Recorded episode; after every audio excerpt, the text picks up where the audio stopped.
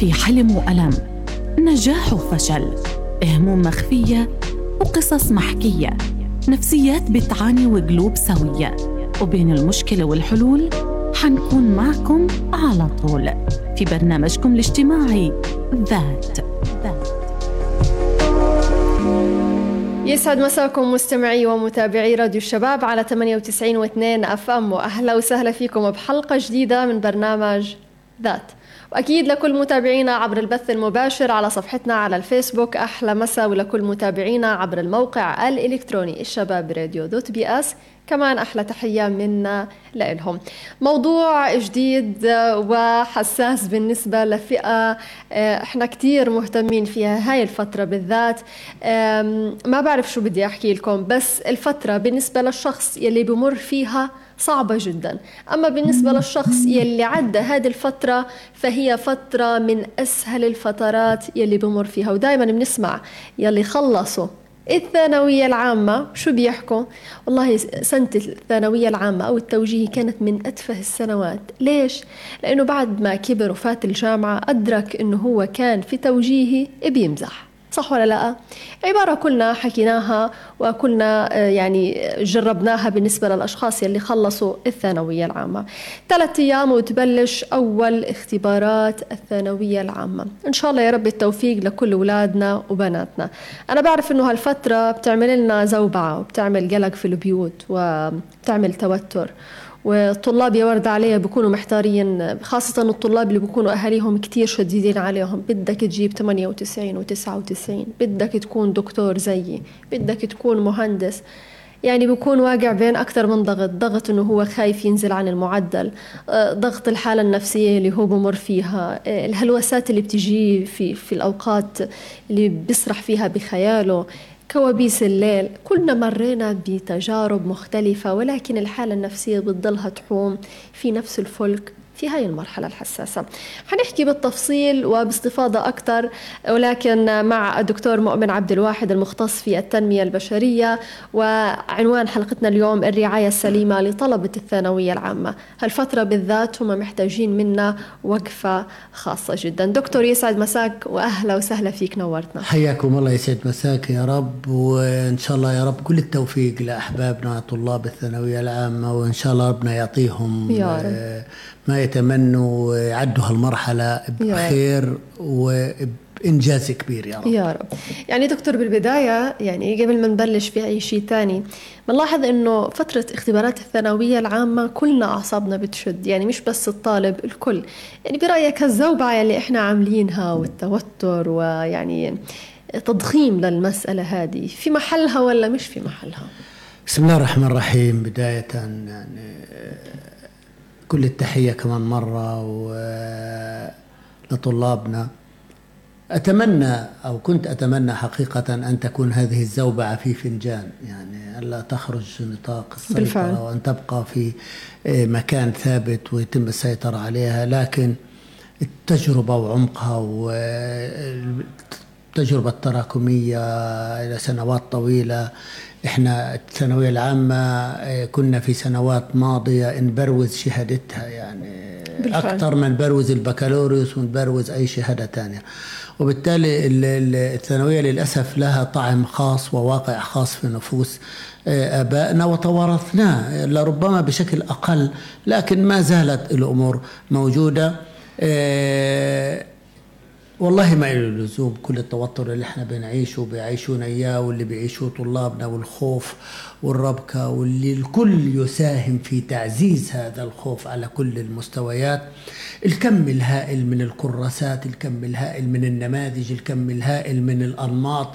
ركزوا ما تركزوش دخلونا في دوامة. والله عندنا عشرات الدسيات اللي متراكمة هذه للعربي و17 وحدة للعربي و18 وحدة للدين و30 وحدة للإنجليزي وهذه مهمة وهذه لا. والأستاذ بيقول هذه آه وهذيك لا. وبالآخر بيجي الامتحان خارج التوقعات.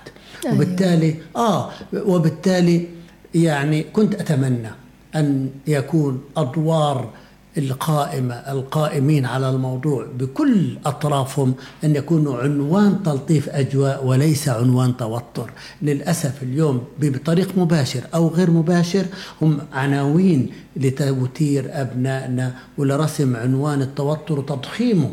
الموضوع لا يستحق انت حكيت كلمة جزئية مهمة سيكتشفوها لاحقا. إنه الثانوية العامة لا تستحق كل هذا الخوف بالفعل. والرعب. لا تستحق المحتوى. شو شو شو بيفرق المحتوى؟ هينا درسنا كلنا ثانوية عامة. شو بيفرق المحتوى المعرفي اللي موجود في الثانوية عن العام اللي قبله ولا العام اللي ولا قبله. حاجة. أنا بعتبر أولى ثانوي اللي هي عاشر أصعب من بالفعل. الثانوية. مليانة أدبي وعلمي وتواريخ وجغرافيا وفيزياء وقيمة آه صعبة كانت أكثر من لكن أجواء الثانوية العامة هي المرعبة. بالفعل. والطريقة والتنظيم وال وال وال وال قبل ما نبدأ سؤال بصوت عالي متى سيعيد ترتيب؟ الثانوية العامة لتخرج من سياق التوتر لتصبح عام دراسي لا يختلف عن الأعوام الأخرى. بالفعل. خذوها بعين التفكير خذوها مرة بس. اخرجوا من السياقات. صح. عشرات الآلاف مراقبين وعشرات وعشرات شرطة وإسعافات. وحدوتة. أيوه والسيارة جايبة لي اسئله كأنه يعني المافيا بدها توقف أسئلة كأنه سلاح نووي. الطريق. كل صح. الأجواء اللي, اللي بيعطوها. قد هم يعني يعتقدوا أو إني أنا بقلل لا يا عم الله يرضى عليك وأنا مش القصد أقلل من جهد حدا. أنا بدي أقلل من توتر أولادنا. ساهموا أيوه. اخرجوا من سياق هذا التوتر وهذا الرعب. وأنتم نفسكم القائمين على الموضوع. شفتوا الأجواء لما بتعيشوها كيف لما بيكون أبنائكم في الثانوية العامة والحالة اللي بيعيشوها والتوتر اللي موجود. لنكتشف لاحقا إنه لا كل المتفوقين في الثانوية العامة هم أوائل الجامعات ولا أوائل الجامعات كانوا متفوقين في الثانوية العامة العكس ياما كانوا هنا متفوقين وهناك لا والعكس.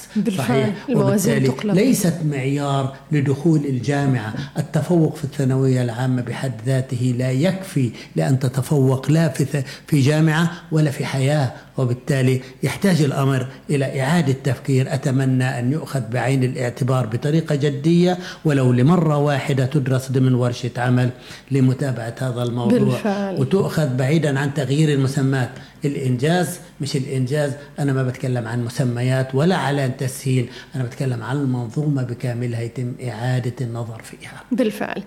يعني تحدثنا على الشق خارج المنزل ولازم أيوة. ننظر بعين الاعتبار لكل هاي الأمور اللي ممكن تخلي الطالب يتوتر. لكن في عنا في بيوتنا مشاكل كثيرة بتخلي طالب التوجيهي واقع في دوامة. أولها آه، يعني الحروب اللي بتصير ما بين السلفات. أنا ابني توجيهي وهي ابنها توجيهي. هي بتحفر في رأس ابنها بدك تكيد لي سلفتي وأنا بروح أيوة. لابني بدك تكيد لي سلفتي. أداة الكيد. فبيكون الهدف إنه مش أنا بدي ابني ينجح لا أنا بدي أكايد الجارات الخبرات والسلفات. هذه ما بعرف شو بدي أسمي لك إياها بالضبط. الحرب الباردة اللي بتصير. زي ما بدك أيوه يعني الحرب باردة بصراحة. كيف ممكن؟ يعني رسالة خلينا يعني بما أنه وجهنا رسالة للشق اللي خارج المنزل والوزارات والمهتمين الرسالة الآن في المنزل الحرب الداخلية الموجودة في المنزل. كيف ممكن نخمد نارها؟ آه هي هي هذا الاخطر لأنه هذيك يعني ربما لم تجول في خاطر شباب غربة بالنهاية صح. آه لكن الإشكالية شغل العمات والخالات والسلفات والبطيخ هذا كله الكلام الفاضي اللي هو جعلت من ابننا أداة كيد واداه غيظ آه، ليس إلا وبالتالي الإشكالية إنه بصير تركيز ابننا يعني لو أنا جاب ابني تسعين وهم جابوا تحت التسعين تمام إحنا بخير مبسوطين إحنا الأعلى. ما عادش الموضوع مهم ابننا جاب الأعلى ولا لا المهم إنه يكون أعلى منهم. يعني أيوة. مش مهم المؤهل الدرجة العليا. وهذه لحالها مصيبة. يعني جعلنا من توجيهه يعني مهزلة. بهدلة. صراحة وين العلم وين التعلم وين الولد وين نفسية الولد وين هذا كله حطيه على جانب. المشكلة إنه إنه هذا بيولد ضغط نفسي عند أبنائنا وتوتر عند الأم. والمأساة الكبرى إنه توتر البيت وتوتر الأم تحديدا اللي هي شوفي الأم في البيت رمانة ميزان إذا الأم هادية وتمام وت... لا بيكون البيت أهدى. إذا الأم كانت جدا متوترة على مدار الساعة هذا بينتقل لأنه سبحان الله الابنائنا لحظة الاسترخاء بميلوا عند أمهاتهم يسترخوا عشان يفرغوا. صح. لما هو بروح بيشحن سلبي بزيادة فحدث ولا حرج. وبالتالي لا رسالة هي للأمهات. إنه آه، ابنك مش أداء ابنك أكبر من إنه يكون هو مجرد غيظ أو كذا. وعفوا يعني خلينا منطقيين شوية. شو حتستفيدي في المحصلة؟ توجيه أسبوع زمان عشرة أيام وبعدين تقفل صفحته وخلصنا الحدوتة الفاضية هذه وبالتالي بدخل في الجامعة. عشان كده لا ترفعوا الضغط عن أولادكم لأنه والله ان رفعتوا الضغط عن أولادكم غير يجيبوا معدل أعلى غير يتفوقوا أكثر. إذا أدى معظم اللي بي لا يوفقوا بالذات الدارسين منهم لأنه هو مش عارف. بيشوف السؤال الأول بيعرف حس إنه هو مش عارفه. لا هي نزلت الدرجة بطلت فيش إمكانية أسكر العلامة. أيوة. أكلنا هوا فبيغلط في الباقي. ليش؟ لأنه على طول بيستحضر إنه إنه ما رسمش الابتسامة مع أمه ما ما عملش ما جابش ما زعلش ما رضاش. بصير هو وين من الموضوع هذا؟ عشان كده مهم جدا في شقين. الشق الأول لطلابنا. اخرج من سياق الكلام الفاضي هذا وارفض انك تكون أداة. ارفض انك تكون انت مجرد حاجة بتغيظ فيها اللي حواليك أو ترسم الابتسامة. قبل ما ترسم الابتسامة أو ترسم الكآبة على وجه الآخرين أنت العنوان أنت المعني أنت اللي حتر... أنت بترسم مستقبلك يا ابني. أنت اللي بترسم طريق نجاحك وترسم طريق اختيارك لتخصصك وتفوقك المستقبلي. مرزوق أنت اللي بترسم معالم اليوم وبت تحد حدوده من خلال دراستك. فبلاش رسالة الشق الآخر للأمهات. تجيوا الله في اولادكم حرام عليكم. حرام عليكم اللي بتعملوه فيهم. انت عشان خاطر ملعون السلفه وملعون الكنه وملعون البطيخ الفاضي هذا كله في سياق ابنك اللي ممكن ما بتعرفيش شو النتائج اللي بتأثر عليهم. ناس بتجيبش معدل. يعني قبل أيام بيحكي لي شاب إنه أنا من هالجيت بقول من هالجيت بقول لي أنا بفكر أعيد السنة. يا حبيبي طب أنت إحنا في امتحانات هالجيت قال ما أنا مش هقدر أجيب المعدل اللي بفرح أمي. يا حبيبي أمك حتفرح بأي حاجة بس انت قول يا رب وشد حيلك. مش وقت التفكير. المؤلم هنا إنه هو وين بفكر بدال ما يفكر في إيش بده يراجع إنه يرفع يركز هنا يحل هنا النموذج الفلاني يتعرف على أخطائه. قاعد بفكر في بعد نفسي. نتيجة العبء والضغط اللي انحط فيه من أمه فرحني يمه انت فرحة عمري وانت وانت وانت. يعني بصراحة لا. دكتور أنا نفسي رسالة تصل لكل الأهالي بصراحة كنا يعني في كل عام بنستقبل آه، طلبة والطلاب الثانوية العامة الناجحين والمتفوقين والله يا دكتور كل طالب وطالبة أقعد معهم أحكي لهم شو أكثر شيء كان مريحكم أو شو سر النجاح أيوة. كانوا دائما يحكوا لي آه، أهالينا كانوا يحكوا لنا أنت شو ما جبت أنا راضي أنا راضية. فكانوا الأولاد يعني أنت بتحكي لي أنت شو ما الضغط النفسي عنه. آه فخلص الطالب بروح مرتاح. صحيح. والله في طلاب أنا بعرفهم معرفة شخصيه إنه أهاليهم يهددوهم. إذا ما جبت كذا كذا أنا بدي إياك مهندس أو دكتور يا ويلك. ما تعتب باب الدار. يجيبوا مجاميع واطية. أكيد أكيد. على النقيض اللي بقول لهم إيش ما تجيب أنا؟ بتلاقيهم جابوا. ليه؟ لأنه ضغط. منطقي الكلام. خوف. منطقي جدا. أنا بحكي عن اللي تعبوا. بالعكس الواجب وهذه رسالتي للأمهات والأباء اليوم أنت يا بابا في نظري هذه رسالة اسمعوها كويس. يا بابا أمي يا ابني أنت في نظري ناجح أنت أيوة. في نظري متفوق أنت في نظري الأول على فلسطين. تجيب سبعين تجيب تسعين تجيب تسعة وتسعين وتسعة أعشار أنت بالنسبة لي الأول. أنت عملت اللي عليك أنت اجتهدت باقي توفيق ربنا. توفيق ربنا مش بإيدي. حتى لو لم يقوم بالمطلوب منه. خلصت. لأنه ما عادش وقت الآن. اكسبيه نفسيا. إن كان أنت مش قادرة لأنه مش حينسى لك إياها. أيوه مش حينساها وحيمردودها إيجابي. في الامتحان وبعد الامتحان وفي الجامعة. بنساش إنه أمي سندتني. أبويا كان عنوان للدفاع عني وعنوان. للدعم النفسي. أنا أنا أنا منتصر. أنا مش خايف. أيوة. وبالتالي أزيل عنصر الخوف عند ابننا. هذا مهم جدا عندنا. لا يا بابا أنت بالنسبة لي كده. يجيب اللي يجيبه ما تجيبش اللي يجيبه. فيش معي فيش حد فينا بيتمناش ابنه يجيب أعلى الدرجات أيوة. بالعكس كلنا بدنا أولادنا يجيبوا أعلى الدرجات ومش أنا معنات كلام إنه أنا أقبل لابني بأي درجة. لا أنا بتمناه يجيب 101 كمان مزبوط. لو بنفع لو جاز التعبير.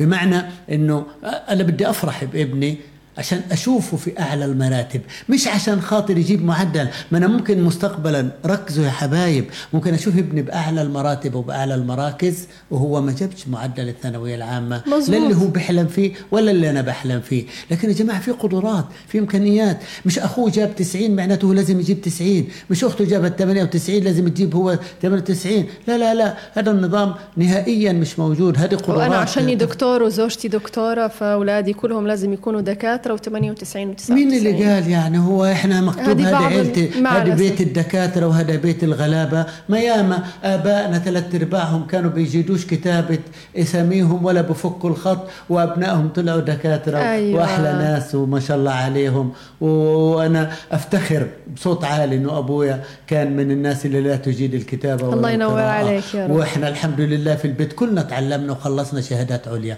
وبالتالي القصة مش كده القصة ظروف وامكانيات معطيات تفاصيل فما فروق فردية. في قوالب تقتلوهم فيها أيوة. لا تقولبوا أولادكم ولا تضعوهم في قوالب تجمدوهم فيها خرجوهم إن الثانوية العامة ليست هي كل نهاية المطاف الثانوية العامة بالفعل. بدايات الحياة الجامعية الجميلة والرائعة الله. وزي ما تفضلتي حتكتشفي إنه الثانوية العامة مزحه أيوة. ولا حاجة الثانوية العامة لكن هي الإطار العام والهالة اللي محطوطة فيها ومعدل بيحدد مستقبلك أنا بقول ليش أنا بقول نخرج من السياق لو بطل المعدل وحده هو معيار دخول الجامعة واختيار التخصص الجامعي وضيف له مهارات أخرى سنخرج من ضغط الثانوية العامة بالفعل. بطريقة جميلة ونكسب أولادنا مش كل اللي بيجيبوا 99% يصلحوا يكونوا أطباء ولا كل اللي بيجيبوا 70% بيكونوا هم لازم يدرسوا أشياء متدنية. لا لا في ناس أصحاب مهارات في الجامعة يكتشفوا وبالتالي يتفوقوا وهذا موجود. أنا لسه والله عندي كشف درجات في الجامعة من أيام بطلع على معدلاتهم في الثانوية. قلائل هم أوائل الجامعات اللي كانوا هم أوائل في الثانوية العامة وكثيرات هم اللي جابوا في. السبعينات وفي الثمانينات في الثانوية العامة لكن معظمهم أوائل الأقسام وبتكرموا اليوم. مش معيار. أنا أتمنى الرسالة هذه تصل يا. قبل للأمهات والآباء ولعمداء الجامعات والتعليم العالي أخرجوا من من من ضيق المعدل إلى سعة ورؤية التخصص الجامعي المفتوح المبني على المهارة والقدرات الشخصية المعرفية والحياتية قبل أن تكون مهارات جامعية أو مهارات علمية ثانوي فيزياء وكيمياء وال- والجغرافيا وإنجليش وبس. بالفعل. دكتور شوية.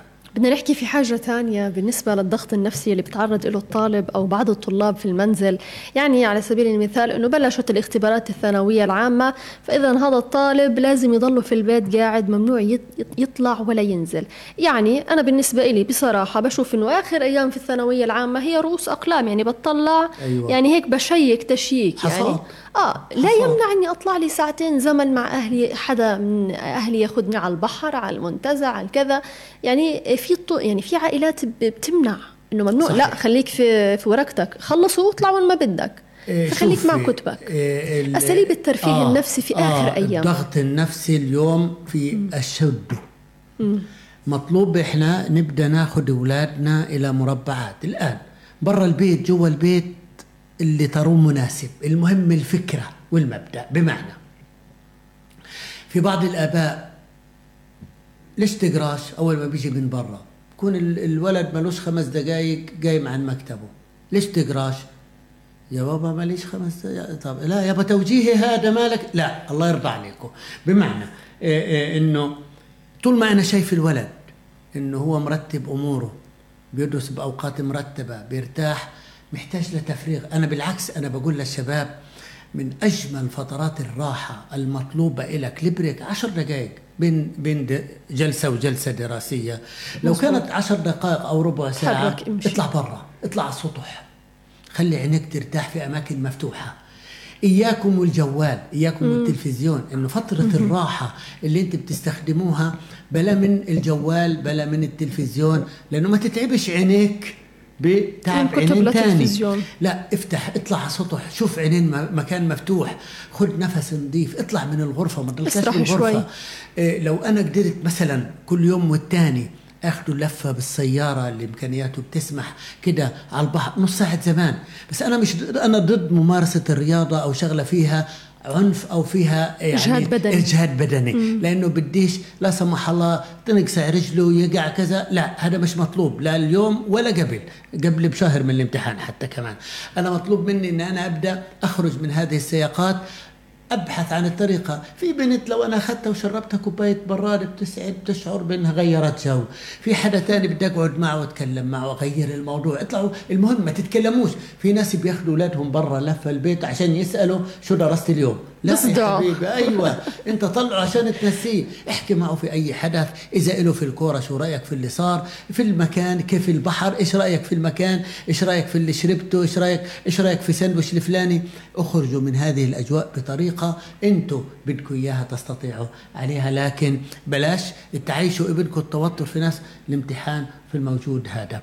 في في مجموعة أشياء يمكن في في في موضوع الاستعداد وخاصة إنه إحنا أقل من أسبوع لامتحانات ثلاث أيام. أولادنا إنه اللي جعل نهاره ليل ونهاره الساعة البيولوجية أيوه الساعة البيولوجية مقلوبة. لا ما مفروض إنه بداها من بداية الأسبوع وإذا ما بداهاش يبداها من اليوم. بمعنى إنه ما بينفعش أروح على الامتحان في وقت اتعودت أكون نايم فيه. أسوأ حاجة بيعيشوها أولادنا وبالذات البنات. إنه بتروح على الامتحان.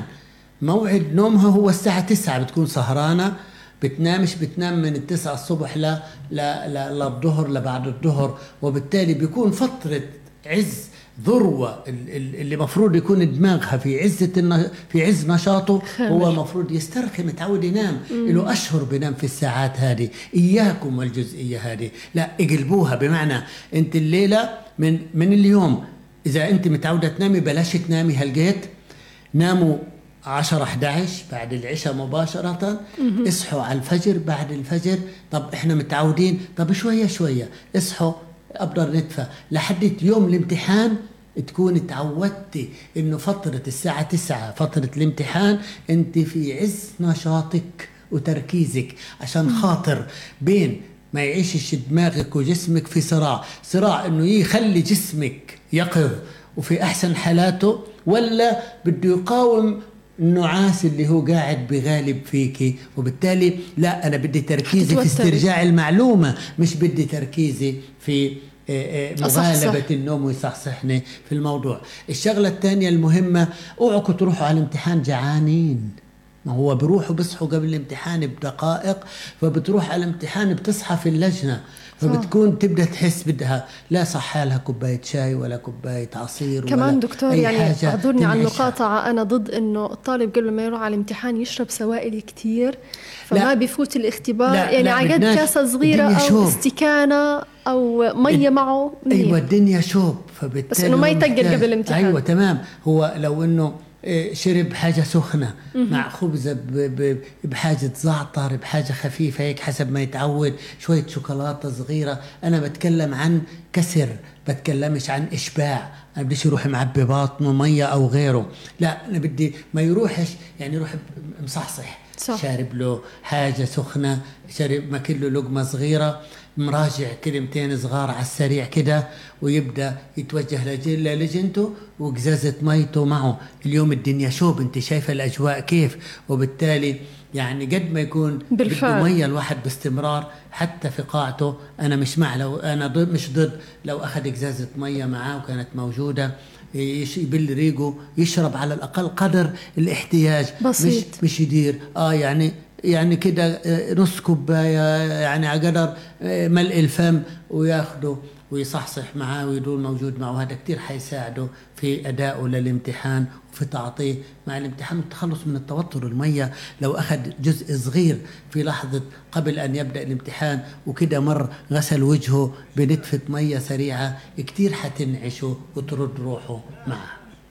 دكتور حننتقل لموضوع جديد وهو يعني خلصنا من مسألة البيت الترفيه النفسي. حكينا عن الإدارة أو الكادر كيف ممكن يعني أنه يخفف من الضغط الخاص بالثانوية العامة والأجواء اللي ممكن تعمل نعم. رعب أو ربكة. حننتقل للقاعة آه. يمكن هذه اللحظة اللي الطالب بحس حاله يعني توتر جدا خاصة وإنه عن تجربة شخصية لما كنت أنا بالثانوية العامة بصراحة لما كنت أقدم الاختبار يا دوب أفوت في القاعة بعد بربع ساعة بنت قاعدة في المقعد الخلفي يا دوب ربع ساعة البنت تنتفض بالكامل وتصير زي هيك ترجف أيوة. ويطلعوها من القاعة كل آه. يوم آه. بس بصراحة كانت عندي قدرة إن أنا أفصل حالي عن عن المحيط يعني بس أقوم هيك أطلع فيها وأرجع بس البنات التانيين كانوا يتأثروا. يعني طبعا. كنت أطلع هيك اخذ لي لمحة أحس البنات صفرنوا. خايفة تعيش الدور. أيوه فالكل آه. بتطلع يعني زي كأنه جاك الموت يا تارك الصلاة يعني صحيح. كأنه اجى دورنا. صحيح. فالان بدنا نصائح أو توجيهات إنه الطالب يفوت على الامتحان مرتاح حسيت بالتوتر شو أعمل؟ شو أسوي؟ شوفي هو التوتر مش لحظة. هو مخزون رهيب من التوتر والضغط النفسي اللي كان موجود علينا من أيام. بديش أقول من أشهر والآن الذروة. لحظة إنه أنا اتجمعت عندي. أنا طالع من الامتحان آه يما. بيض وجهي يما. نفعنا يما. فرحنا يما. هي أول محطة. المحطة الثانية أنا مش ماكل ولا شارب حاجة يعني. من الخوف. أيوه من الخوف. هي تاني شغلة. الشغله الثالثه أنا مش نايم منيح أصلا. ومرهق ومش شايف قدامي. مع الخوف تخيلوا وين بتروح. الشغلة الرابعة إنه أنا لما بمسك الورقة بلاقي حالي سؤال أنا مش عارفه مثلا. عشان كده نبدأ خطوة خطوة. كل حاجة اللي أنا قلتها بديش اعيدها الشغلة الثانية خشينا الامتحان. ما تروحوش على الامتحان قبل بنص ساعة وبأربعين دقيقة على لجان الامتحانات. وما تروحيش تناقشي ورقة الامتحان مع سين وصاد وعين وهذا مهم وهذا مش مهم. والأستاذ الفلاني اللي هو الخبير اللي, اللي, اللي جاي من الفضاء ومن المريخ اللي بيتوقع كل سنة والطلاب اللي عنده بيجيبوش إلا فوق ال 95 لما تكتشفي المعضلة هان يعني هيك على هامش الكلام إنه هو أصلا بيقبلش يعطي خصوصي غير للي فوق ال 95 في السنوات اللي فاتت. عشان يعني إنه أنا الدكتور اللي أيوه أنا, اللي بعطي أنا الأستاذ اللي بعطي. تمام؟ هذه حطيها على جنب عشان كده ابعدي. خلاص أنت درستي.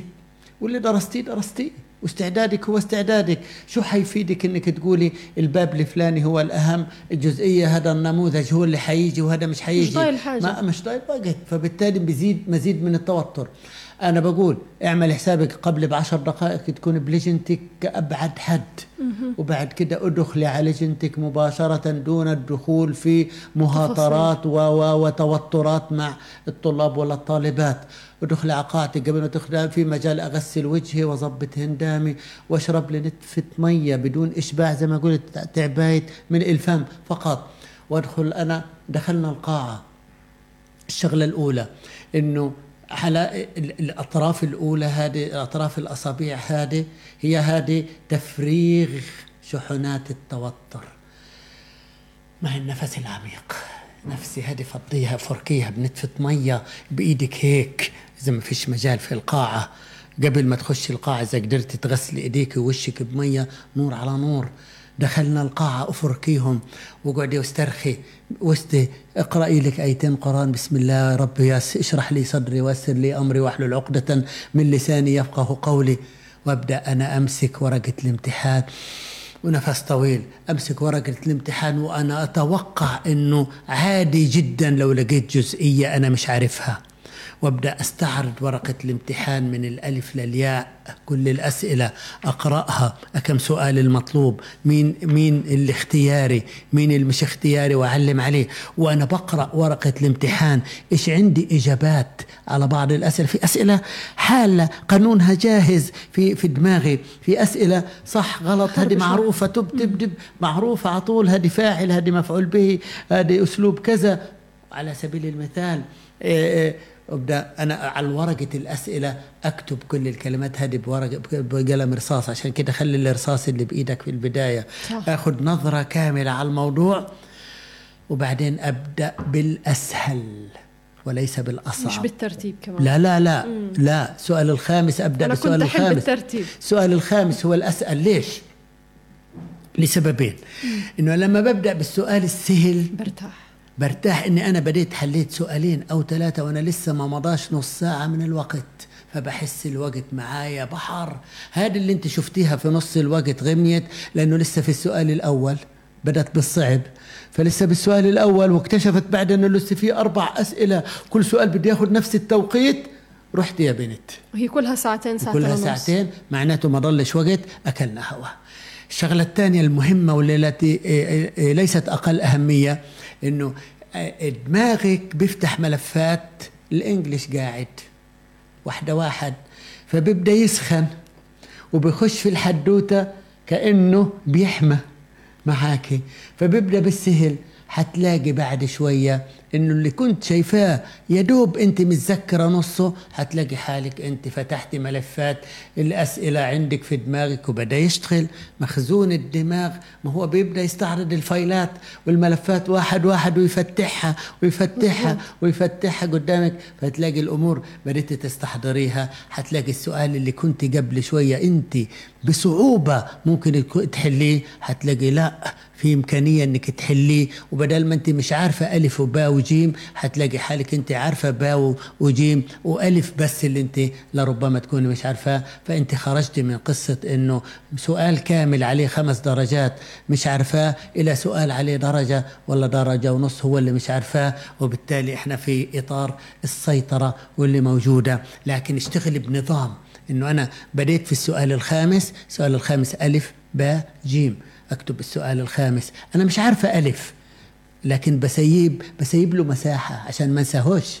باجي بكتب السؤال الخامس ألف وبنزل باء جيم وببدأ زي ما بدي بالحل من وين ما بدي. ما في مشكلة إنه في في التصحيح. السؤال الأول هو رقم صفحة اثنين. السؤال الثالث رقم صفحة واحد. ما في مشكلة. المصحح بيقرأ ما دام السؤال مكتوب. السؤال الأول السؤال الثالث. مش مهم الترتيب المهم أنت يا ستي أنا أريحك. السؤال الأول سيبي له الصفحة الأولى السؤال الثاني وهكذا وابدي من السؤال الخامس الأخير في الصفحة اللي قبل الأخيرة وهكذا. المهم إنك أنت رتبي أمورك باللي تجيديه بالطريقة اللي بدك إياها ومن ثم انتقلي إلى الحل على دفترك. بطريقة مرتبة وواعية وانت عارفة شو اللي بتبديه بخطوات ثابتة بعيدا عن التوتر والخوف اللي موجودين بالفعل. فينا ابدي بالسهل حتلاقي نفسك حليتي نص الأسئلة ونص الوقت أو ربع الوقت لم يمضي وبتكوني بتحسي معك وقت في أريحية وفي وقت في هدوء. موجود في هدوء لأنه انت تعبانة انت حتى لو لا سمح الله وجدت سؤال صعب وانت مش عارفاه عادي وصبري لأنه إحنا أحيانا نبدأ نسترجع. مع الشغل في الحل استرجعتيه على طول بالقلب الرصاص اكتبيه على الورقة وكملي سؤالك عشان هذه كلمات مفتاحية دكتور ممكن تستفيدي منها. ذكرتني بحاجة يعني في مرة يعني كانت في عبارات بيحكوا لنا إياها في المدرسة المعلمات أو الأساتذة نعم. إنه لما تكون مش عارف إجابة أول إجابة بتخطر على بالك هي غالبا غالبا هي الأصح.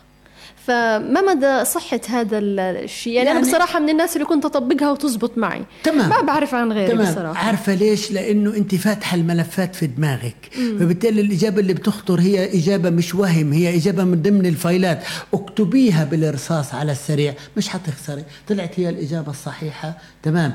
هو هذا هذا مين اللي بيقع فيها؟ في الصح والغلط. أيوة. بحط صح بمحا غلط بمحا صح غلط. لا أنا بنصحش بالكلام هذا. ما تغير إجابتك غير على معلومة موثوقة في دماغك لكن أنت أصلا مش عارف. خلص حطيت صح خلص مش هتفرق خلي الأولى. إحنا مش عارفين. خليها. ما, ما عنديش بديل يعني أيوة. تحذير. وبالتالي يمكن تزبط ويمكن لا لكن كترة صح والغلط صح وغلط بوترك حتفوت في دوامات. أيوه بخششك في دوامات بضيع عليك الأسئلة اللي بعدها وبالتالي عديه الأسئلة المشكوك فيها سيبوها للآخر. أيوة. سيبوها أيوه ما توترش نفسك فيها. خلينا نكسب اللي إحنا متأكدين منه إنه إحنا صح. لأنه إذا وترني السؤال الأول الغلط ربما السؤال السهل كمان أخسره. وأروح أتوتر من الأول وأحول على لا أنا طلعت بالأول ولا أنا طلعت برضه دكتور أنا ضد إنه الواحد يحط كل توتره على مثلا أنا عندي عشرة آه، صح أو خطأ.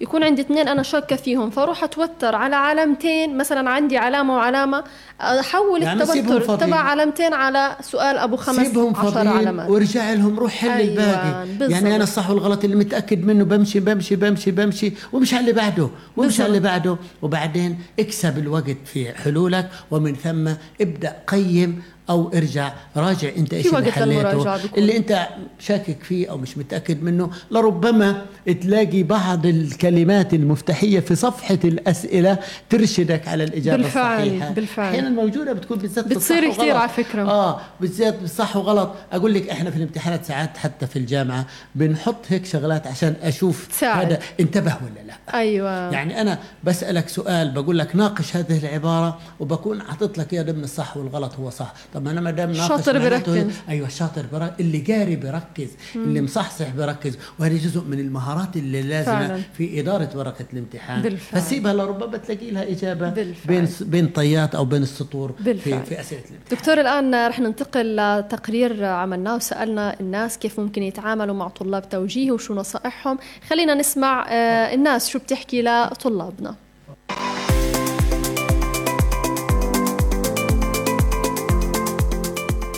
يعطيكم العافية. وتحياتنا لكل حدا بيسمعنا عبر راديو الشباب 98 و2 أف أم من غزة. تحديدا طلاب وطالبات الثانوية العامة اللي إحنا نزلنا اليوم على الشارع لحتى نوجه لهم بعض النصائح من خلال آراء الناس. خليكم معنا وتابعونا عبر راديو الشباب. معكم رنا حمادة. أنا بنصحهم كل واحد يعمل كل شيء بيقدر عليه بما يستطيعه ما يرخش نفسه بزيادة وبنفس الوقت ما يكونش فيه إهمال. وربنا يقدر لهم الخير لأنه بالخير ربنا اللي بيعرفه لكل لكل طالب. أول شيء يتوكل على الله ويرضوا الله حتى ربنا يكون معاهم. في كل دقيقة ويجتهدوا اللي يدير بالهم ويقولوا إنه هذا الفاصل بيكون لهم وإن شاء الله منه يعني بنطلقوا مسيرتهم التعليمية وبكملوا حياتهم إن شاء الله. ما بيفيدك إلا علمك، علمك هو شهادتك، هي تخرجك في الحياة، هي مستقبلك. يوفروا كل جهدهم وكل تعبهم للفترة اللي ضايلة هاي، اللي جاي هو اللي هو القليل وهو اللي هو اللي ضايل لهم. طالب توجيه يحط هدف قدام عينيه إنه إيش يشوف حاله في المستقبل، يعني سيبوا من المحبطين اللي بيحكوا له يعني انت حتجيب توجيه وحتجيب الجامعة على الفاضي وحتقعد سوق العمل مليان الخريجين مليانين. أهم شيء إنه الواحد يحط هدف ويسعى للهدف ولكل مجتهد النصيب. يتعبوا اليوم عشان يرتاحوا بكرة. كل ما درسوا وكل ما اجتهدوا اليوم راح يساعدهم هذا بكرة وخلال مسيرتهم اللي جاية. مع القراية بتصل بدك إياه. مستحيل بتعديه. ما تسمعوا كثير للناس اللي بتوتركم. ابعدوا عن الجانب هذا. روح على الجانب الإيجابي.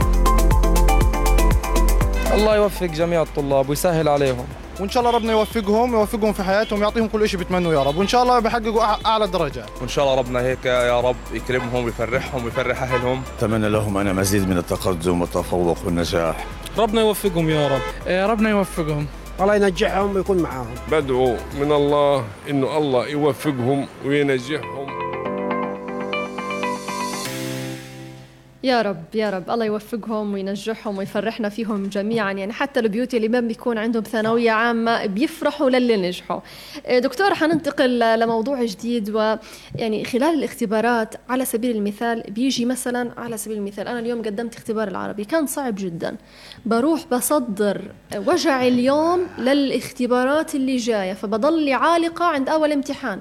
طب على سبيل المثال أنا مش حجيب نسبة عالية. طب ما يمكن في اللي جاي أجيب. أيوة. فهاي النقطة اللي. بدنا الأولاد شوية ينتبهوا لها تمام. بس خليني بعد إذنك هيك عندي آه، تعليقين. أكيد الأولاني الأولاني إنه يعني آه، اعمل اللي أنت بتقدر عليه دون حلو. إهمال. خلصنا إحنا عملنا اللي بدنا اللي بنقدر عليه. حتى لو كنت أنت مش راضي عن أدائك خلصنا. اطوي الصفحة هذه. ما تعدهاش ابعد عن المحبطين. توجيه ما هيهم قاعدين يعني إيش عمل توجيه سيبك هذول ناس يعني آه عيانين هيك بالبلدي كده فما تردش عليهم. المهم فعلا جزئيه ال ال الامتحان الأول على سبيل المثال إنه أو أي امتحان بس مم. المهم في الأوائل. أيوه. آه آه إذا ادائك لا قدر الله كان غير مرضي. طبعا أنا بحكي غير مرضي كل واحد حسب مستواه. يعني واحد بيكون بيطلع من الامتحان بنسبة 80% حالل بجيب 80 من 100 آه، بالنسبة له هو الامتياز واحد تاني آه، ضياع. آه، وهكذا. أنا بتكلم عن أنت وطموحاتك. إذا شعرت أنه لا قدر الله إنه هذا الامتحان أدائك فيه لم يكن وفق المطلوب مش نهاية المطاف. بالعكس أنا نصيحتي للطلاب بشكل آخر. يوم ما تطلع من الامتحان بعد ما تخلص لجنة الامتحان سكر كل ما له علاقة يعني قدمنا يوم الأربعاء للمادة. عربي ال- الورقة الأولى.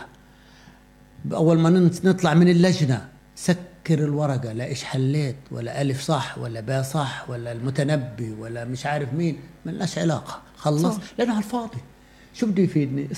إذا صح صح وإذا غلط مش مش حغير هتتصحح ح- حيزيدني توتر.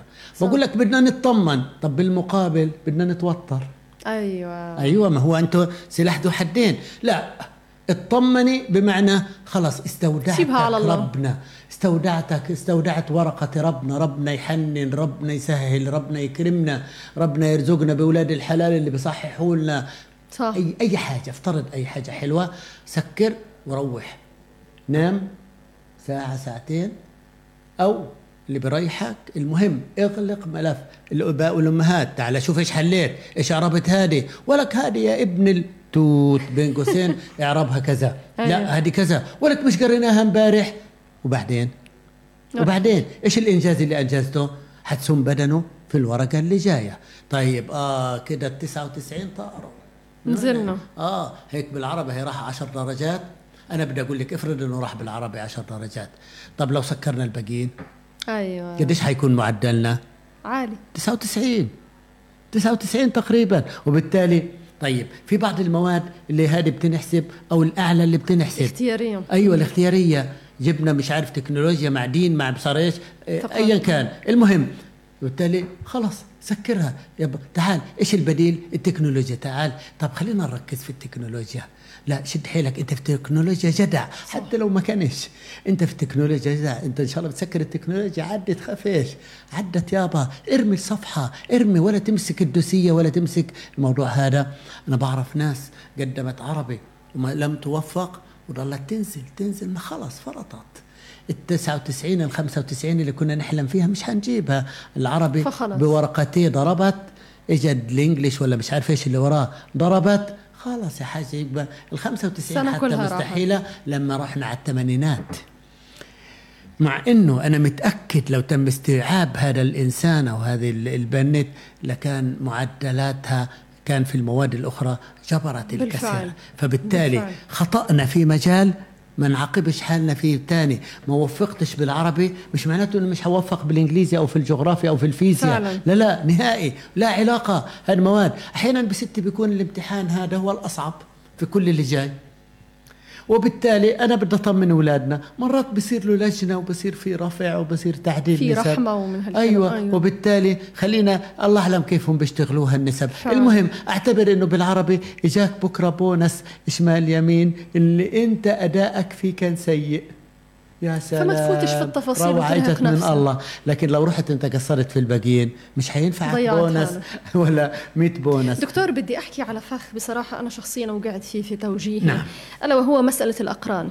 كنت أروح من اختبار الثانوية العامة إحدى الشخصيات ترن علي. كانت بتقدم معي توجيهي. أيوه. أنا كان معدلي عالي. هي يعني معدلها أدنى مني بكثير قالوا كيف؟ أنا بناء على أخطائي أنا كان من الشخصيات صراحة اللي المستفزة اللي كنت لو غلطت غلطة أروح أبكي آه. في الثانوية العامة. آه. أقولها والله صعب. تقولي لا أنا أنا بالنسبة لي سهل وأختي كمان سهل. فأسكر منها ألاقي أمي هيك بتطلع فيا اللي هي إذا فلانة اللي مش شاطرة بتقول سهل. يبقى أنا شاكة فيكي بس تضلها ساكتة. نظرتها آه. تذبحني. آه طبعا. الغرفة وكمان- وأبدع. أيوه والبعد النفسي عليك دمرني. أيوه أنا عشان كده لا. لا سيبوكوا آه، أنا عجبني ليش بقول لك هذا ما تسمعوش كلام تكلمش حدا. الراجل هذا الله يعطيه الصحة. أيوة. لا لا تردوش على حد رنت عليك صاحبتك ترديش. ما تكلمش حدا. ولا تفتحي فيس ولا ما واتساب ولا بطيخ ولا. تتواصلي. كيف أنت؟ الحمد لله تمام. كيف حل؟ والله الامتحان صعب. لا الحمد لله. عدنا خلصنا. خلينا نفكر في جاي. وانت تقولي عنه صعب وفلانة تقول سهل؟ أيوه. طب لا صارت عندي مشكلة بتقول يعني. سهل سهل اللي هم اثنين اللي بيقولوا سهل اللي مية المية قاريين واللي مش قاريين واللي بيطلع أول ناس. أو آخر ناس برضه بيقولوا سهل سهل. فهذا الفخ بدنا نحذر منه. بصراحة أنا تعلمت في الثانوية العامة في الجامعة صرت أخلص الامتحان أسحب حالي على البيت ما اكلمش حدا. عدل سكره ولا حتى في البيت أفتح أيوه خلص, خلص يعني أغلق. المادة سكرناها حطيناها على جنب. إلى يوم إلى إلى يوم الدين. خلصنا لما تيجي النتيجة سواء أجت. بالتوقعات أو أدنى أو أعلى الحمد لله مسطوره الخطوة الثانية.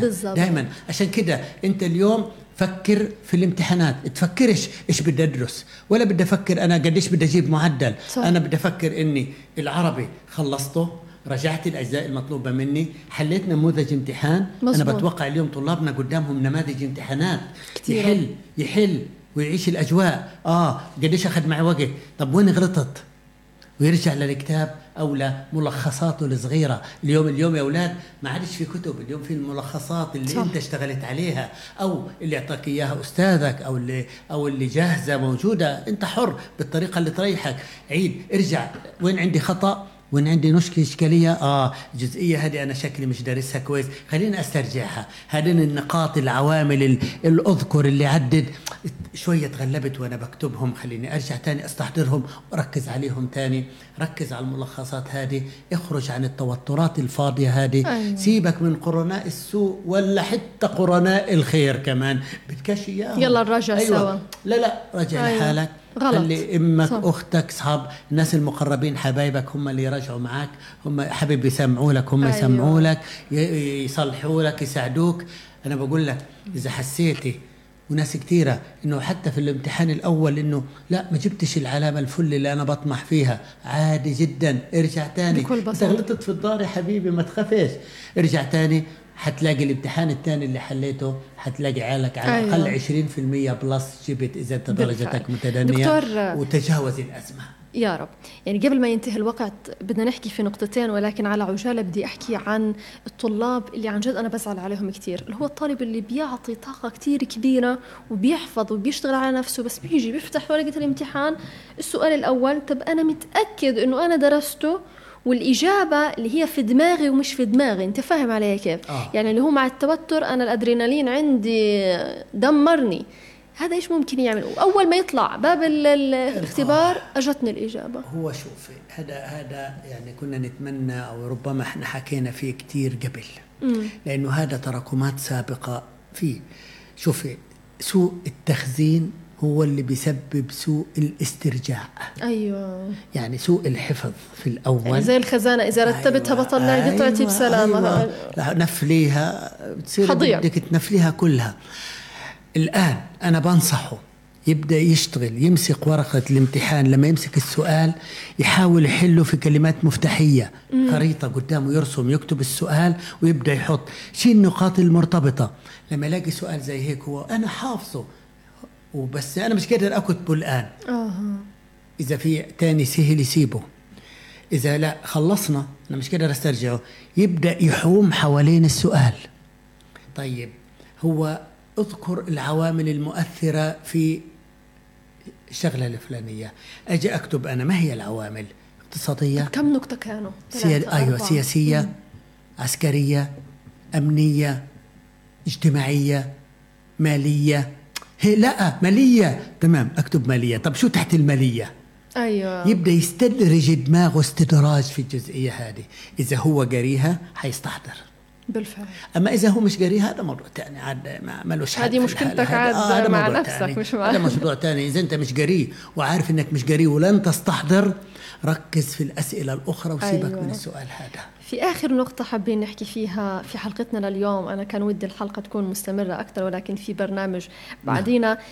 آه النقطة هاي بعتبرها أنا أساسية بصراحة وهذا الشخص أنا بعتبره لا يقل يعني أساسية عن الأب والأم هو المراقب. المراقب. في مراقبين بيحسسوك وكأنه جايين يجلدوك اللي هو كل شوية طقطقات الجزمة الله يعزك. أيوة. بعدين ضايل نص ساعة ضايل ربع ساعة.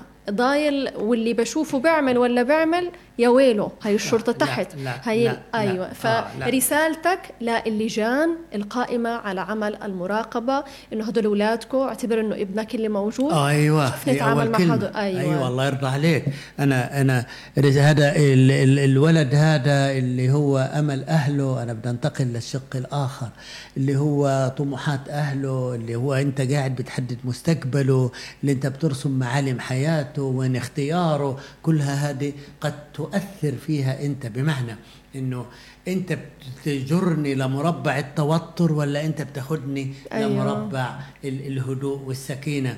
إنه أنا من البداية حبايبي الله يعطيكم العافية يلا معايا يلا إيه، إيه، أعطيت الدفاتر.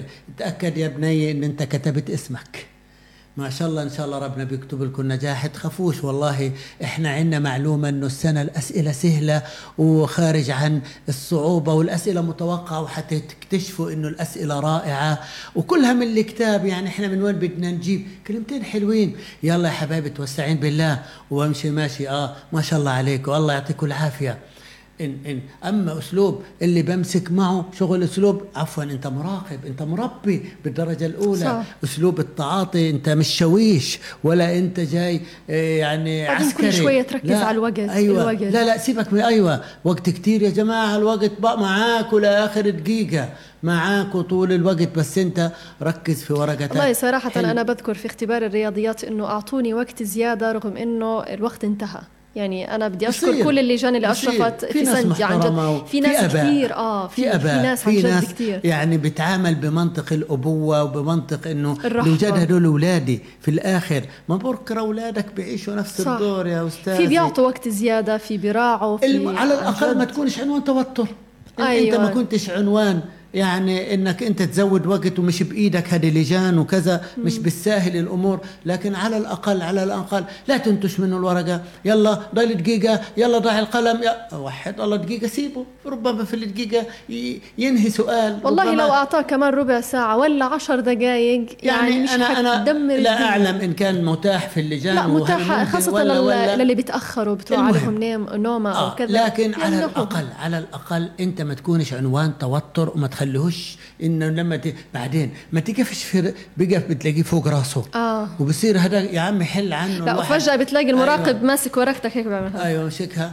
أو أو أو يبدي ايماءه إنه أنت هيك ليش مش حالل لها لقيت ولا؟ يا عم سيبك منه الله يرضى عليك. عندك كلمة خير احكيها ما عندكاش. اذا إذا أحيانا بيرفضوا وأنا بطلب من المراقبين أحيانا بيسألك عن السؤال. بدوش إجابة منك. اعطي له الله يرضى عليك. ما ما تقف إنه أنا بعرفش أنا بهمش. حتى لو يعني بس لو سمحت إيش المطلوب هان؟ طب وين المشكلة؟ وين وين المشكلة لما أنت توضح للإبن هذا تجاوبه؟ أنا بقول لكش حل له السؤال. لا أنا بقول لك وضح السؤال. طب ما إحنا في الجامعة بطلب الطلاب مزبوط. توضيح شو الم... دكتور شو المطلوب بالضبط هان؟ بالفعل. أذكر بدك شرح بدك عدد بدك كذا. وجاوب وين المشكلة في الموضوع هذا؟ بالعكس اعطي له بالريقه بطريقة أو بأخرى عشان خاطر ما يصطدمش هو. يعني ما, تزيدش توتره. بالفعل. بالعكس سهل عليه. الموضوع. كون عنوان خليك سمح ابتسامتك حلوة. بلاش تدخلت شغل بنضاره سوداء شرطة اللي آه اللي الرقابة اللي يعني جاية من فوق السطح. بلاش الحركات هذه الله يرضى عليك. انت أستاذ وخلصنا لكن الرك على هذا الغلبان اللي موجود بين إيديك هذا. بعدين. هذه آخر محطة دراسية في المدرسة. خليها تنتهي بالخير وبالذكرى بمعنى هي. نقطة انتقال للأسف. بالضبط. للأسف آه، آه، مهمة. اعتبر ابنك اللي موجود. كنت أيوة. حتتمنى إنه كل الدنيا تتسخر. وترحمه. لتيسير وترحمه. فكون أنت عنوان للرحمة عشان ربنا يبعث عناوين لأولادك في المستقبل إن شاء الله. بالفعل. وربنا يوفق الجميع. يا رب. يعني دكتور بالفعل بدي أشكرك من كل قلب. الحلقة الله اليوم. كانت جميلة ودسمة بصراحة جدا. آه، أجملنا كل النقاط أو كل ال- البيئات اللي ممكن يتواجد فيها طالب الثانوية العامة. يعني بصراحة في نهاية حلقتي لليوم من برنامج ذات كل الأمان الطيبة لطلاب الثانوية العامة دعواتنا وصلواتنا لهذه الفترة لهدول الأبناء. يعني بصراحة آه، برضو مجتمعنا بيحب هاي الفئة جدا. يعني من الأمور اللي ما بتنتسى في الثانوية العامة أنه هذا الطالب وهو ماشي في الشارع بيكون مميز فبتلاقي اللي بيعرفه واللي ما بيعرفه بيدعي له. فإحنا شعب بيقدس التعليم جدا وهذه نقطة جميلة جدا حتى ولو كانت لها بعض بعض الأبعاد السلبية زي التضخيم والتوتر اللي بيصير لطلبة الثانوية العامة لكن بالمقابل إحنا شعب بحب العلم. آه لهان بنكون أجملنا كل النقاط. بتمنى تكونوا استفدتوا. ديروا بالكم على أولادكم. ما تخلوهم يطلعوا من هذه المرحلة مشوهين نفسيا.